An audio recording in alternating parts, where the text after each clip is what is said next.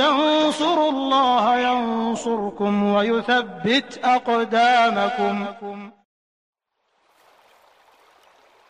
Kita sering mendengar kata tauhid. Tauhid sebagaimana dijelaskan oleh para ulama adalah unsur utama kebahagiaan seorang hamba di dunia maupun di akhirat.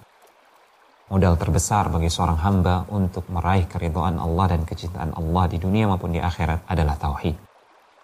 Tauhid sendiri secara bahasa berasal dari kata kerja wahada yuwahidu.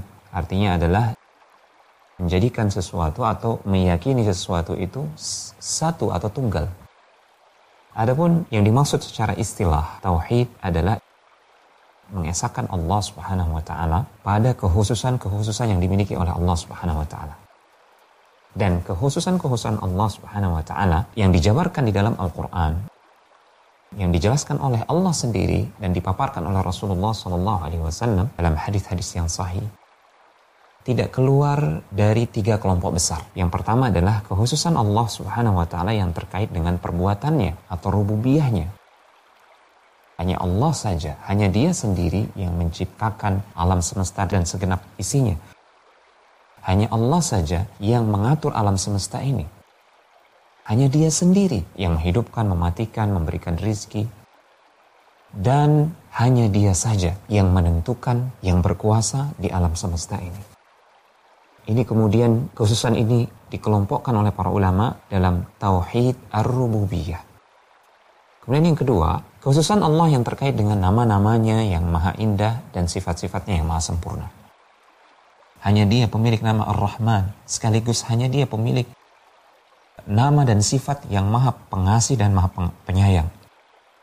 Yang rahmatnya meliputi segenap makhluk. Hanya dia yang memiliki sifat tidak pernah lelah, tidak pernah tidur sedikit pun. La ta'khudhuhu sinatun wala naum. Allah sama sekali tidak disentuh oleh rasa ngantuk, apalagi tidur. Ini adalah kekhususan Allah Subhanahu wa taala yang terkait dengan sifat-sifatnya dan nama-namanya yang maha sempurna. Kemudian para ulama mengelompokkan kekhususan-kekhususan ini dalam tauhid al-asma wa sifat. Kekhususan Allah yang ketiga terkait dengan perbuatan hamba dalam beribadah kepada Allah Subhanahu wa taala. Bahwasanya hanya Dia Allah Subhanahu wa taala, hanya Dia yang berhak untuk diibadahi maka kita wajib mentauhidkan, mengesahkan Allah Subhanahu wa taala, menjadikan dia satu-satunya yang berhak untuk menerima ibadah yang disyariatkan, ibadah yang hak. Ini kemudian dikelompokkan oleh para ulama dalam tauhid al-uluhiyah. Kita wajib mentauhidkan Allah pada tiga kekhususan Allah ini.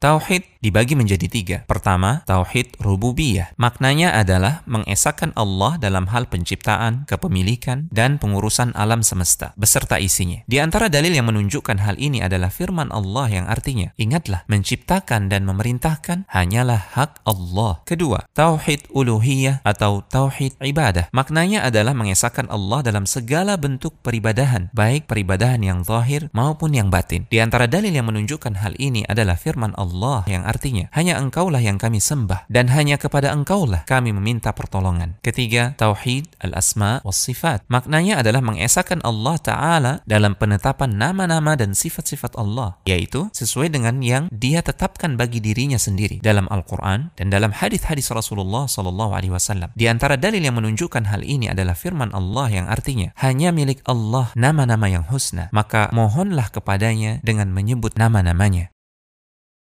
Pembatal-pembatal tauhid. Pertama, syirik kepada Allah Subhanahu wa taala dalam ibadah. Syirik dalam ibadah yaitu memalingkan suatu jenis ibadah kepada selain Allah Azza wa Jalla.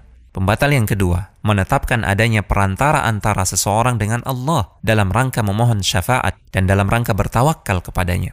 Jenis perantara yang populer ini ialah orang-orang saleh yang telah mati. Mereka bernazar, menyembelih, bahkan tawaf di kuburan orang-orang yang saleh dalam rangka memohon syafaat kepada Allah Pembatal yang ketiga, tidak mengkafirkan kaum musyrikin atau ragu dengan kekafiran mereka, atau bahkan membenarkan keyakinan mereka. Inilah propaganda yang kerap dilancarkan oleh pengusung paham pluralisme yang menghembuskan keraguan-raguan dalam diri kaum muslimin. Pembatal keempat, meyakini bahwasanya ada petunjuk selain dari petunjuk Nabi Shallallahu Alaihi Wasallam yang lebih sempurna, atau meyakini bahwa ada hukum yang lebih baik dari hukum beliau.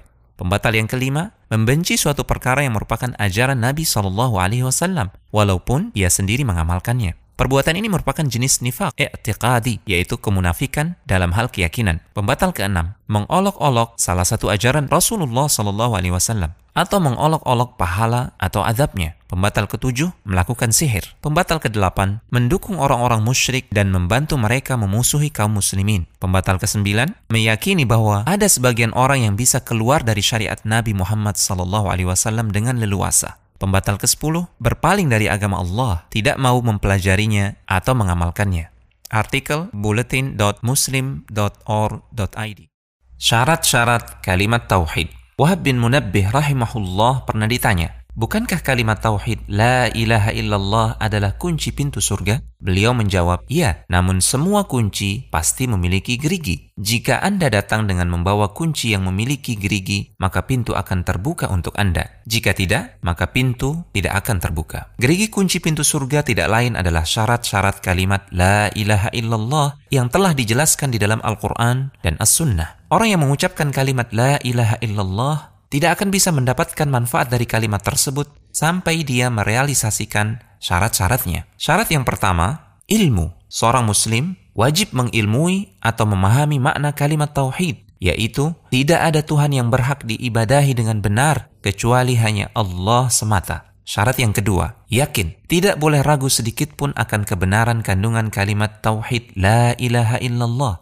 Syarat yang ketiga, tulus dan ikhlas, yaitu dengan memurnikan ibadah hanya untuk Allah, tidak riak, tidak pamer, tidak mengharapkan pujian dari orang, juga tidak berharap ganjaran atas ibadah kita kecuali dari Allah semata. Syarat yang keempat, jujur dalam mengucapkan dan meyakini kalimat tauhid, tidak mendustakan di dalam hati. Karena jika ada pendustaan di hati, maka itu sama saja dengan orang munafik yang telah dikafirkan oleh Allah. Syarat yang kelima, tunduk terhadap konsekuensi kalimat tauhid, tidak boleh mengabaikannya atau tidak peduli terhadap tuntutan la ilaha illallah. Tunduk berarti taat menjalankan perintah-perintah Allah dan menjauhi larangan-larangannya. Syarat yang keenam, mencintai kalimat tauhid, tidak justru membencinya. Syarat ini mengharuskan kita lebih mencintai Allah di atas segalanya. Syarat yang ketujuh, menerima dengan sepenuh hati dan tidak justru menyombongkan diri dengan menolak konsekuensi kalimat tauhid. Artikel alhujjah.com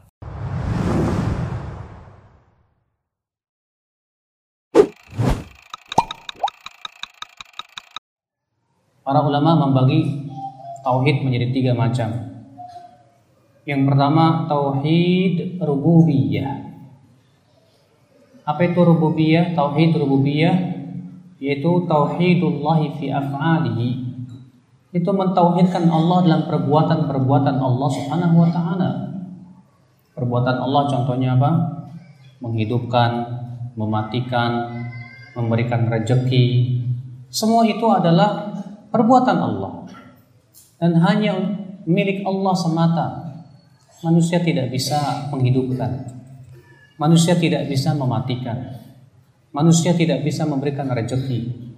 Manusia tidak bisa menegakkan hari kiamat maka perbuatan-perbuatan ini hanyalah milik Allah Rabbul Izzati wal Jalal.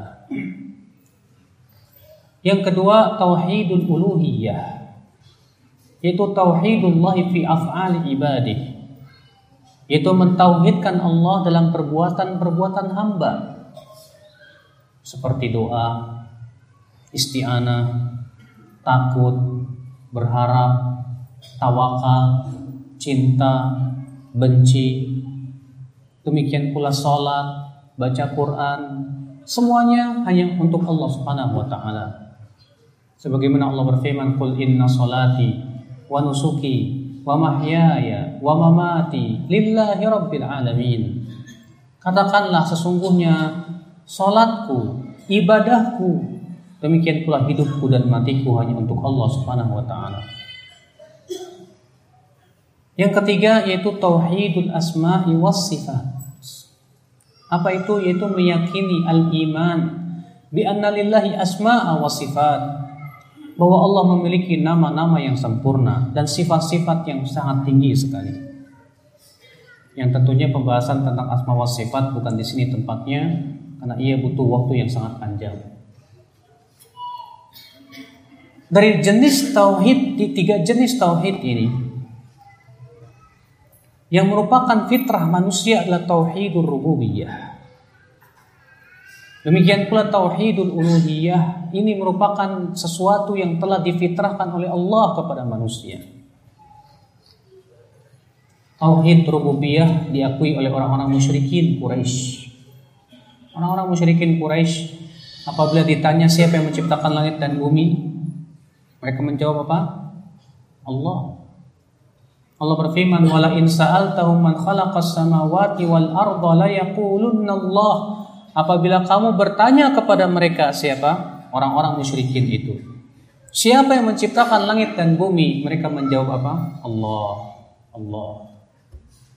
Mereka punya keyakinan bahwa pencipta langit dan bumi itu Allah. Mereka tidak meyakini bahwa Lata, Uzza, Manat, Hubal.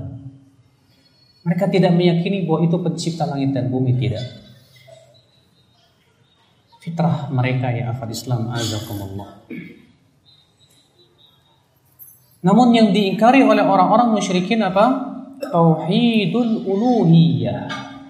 Itu tauhid uluhiyah yang hakikatnya adalah hanya memurnikan ibadah hanya kepada Allah semata dan tidak mempersekutukan Allah sedikit pun juga ya akhir Islam.